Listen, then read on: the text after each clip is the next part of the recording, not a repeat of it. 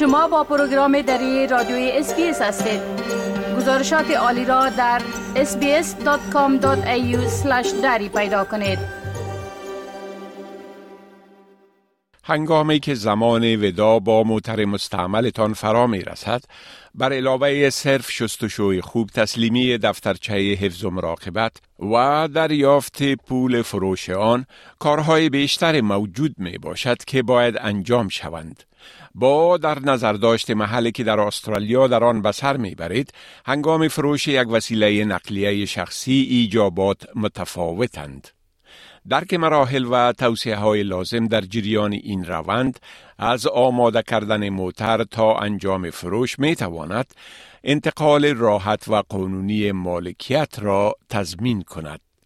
در حالی که یک مرجع سراسری برای جمعآوری آمار فروش موترهای دست دوم در کشور وجود ندارد تخمین ها نشان می دهند که بازار موترهای دست دوم در استرالیا تقریبا سه برابر بازار موترهای جدید است. شما به حیث فروشنده یک موتر دست دوم یک مجموعه قابل ملاحظه از خریداران بالقوه را برای این هدف در دسترس دارید. اما چگونه می توانید عملیه فروش موترتان را طی کنید؟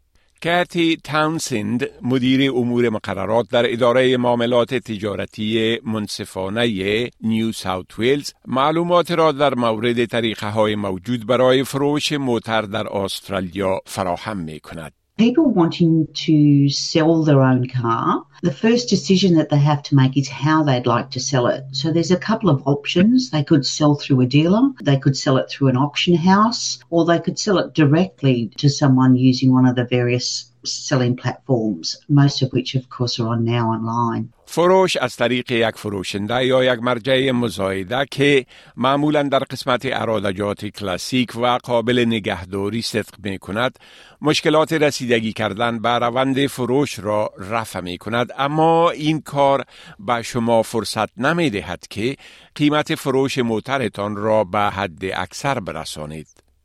مهم است که مصارف مربوط به فروش از طریق یک مرجع معاملات موتر را در نظر بگیرید. چون آنها معمولا هنگام فروش موتر شما مقدار مفاد خود را هدف قرار می دهند. با گفته خانم تاونسند اگر شما یک مرجع مزایده را انتخاب کنید می توانید انتظار داشته باشید که حق کمیشن بپردازید که مقدار آن طور اوسط در حدود 10 تا 15 فیصد قیمت فروش است.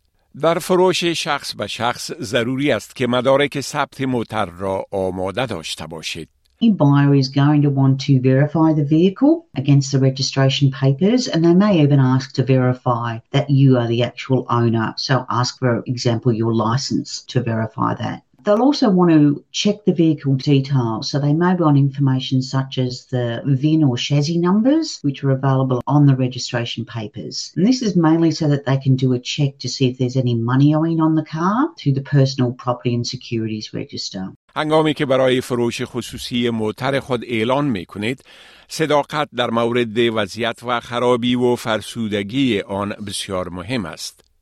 کارا فعلا مدیر بازاریابی مشتریان مرجع آنلاین کارز سیلز شفافیت در قسمت بیان وضعیت موتر را مهم می داند. All around transparency. So being transparent and upfront in conversation and in the comment section of your listing about the car's history and any imperfections that the buyer might like to be made aware of. And this will really help when you do eventually meet with potential buyers in person during inspections and just help avoid any awkward surprises on the day. پاسخگویی به موقع به سوالات خریداران احتمالی نیز به نفع شماست چون چانس شما برای فروش سریع و موفق را افزایش می دهد. و خانم فعلا می گوید که انجام تحقیقات قبل از تعیین قیمت بسیار مهم است زیرا قیمت گذاری تا حد زیاد میزان علاقمندی را تعیین می کند که شما آن را از خریداران احتمالی جلب می کنید. We know that buyers are very switched on. They do their research. So if you're serious about selling, try and price your car within the recommended range, which would be around that true market value to help you attract interest. The next tip is around negotiations. There are buyers that do like and enjoy the opportunity to negotiate the price. So it's always worth considering this when setting your price. And if you can allow a little bit of wriggle room room in your listing price to allow for negotiations. الکس فارست مدیر ارادجات و مواد سوخت در کلب سلطنتی وسایل نقلیه در استرالیای غربی است. او میگوید که انجام ترمیمات میخانیکی موتر قبل از فروش می تواند بر درخواست قیمت و مذاکره با خریداران احتمالی تأثیر بگذارد. often that you see that in advertisements as well. So, you know, the car's just been serviced, it's got new tyres, and that's uh, something to make a potential buyer feel better about the car that they're going to purchase. You know, the flip side of what I said earlier would be that the buyer could say, look, it needs new tyres, a new battery, and an exhaust, and some brakes or whatever done. Go and fix those. And then once they're done, perhaps we can negotiate on price, but I'm not going to look at the vehicle until you've had those things fixed on the car. ولی بهبود دادن و تغییرات اختیاری همیشه لازم یا عاقلانه ترین گزینه قبل از فروش موترتان نمی باشد.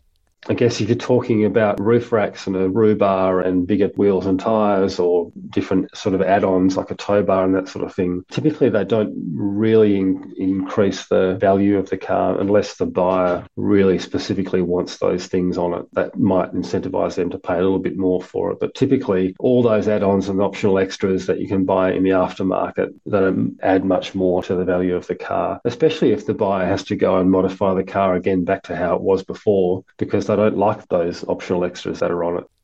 یکی از مشکلات احتمالی فروش خصوصی برای بعض مردم ناراحتی ناشی از آمدن خریداران احتمالی به خانه آنها برای بررسی و آزمایش موتر است.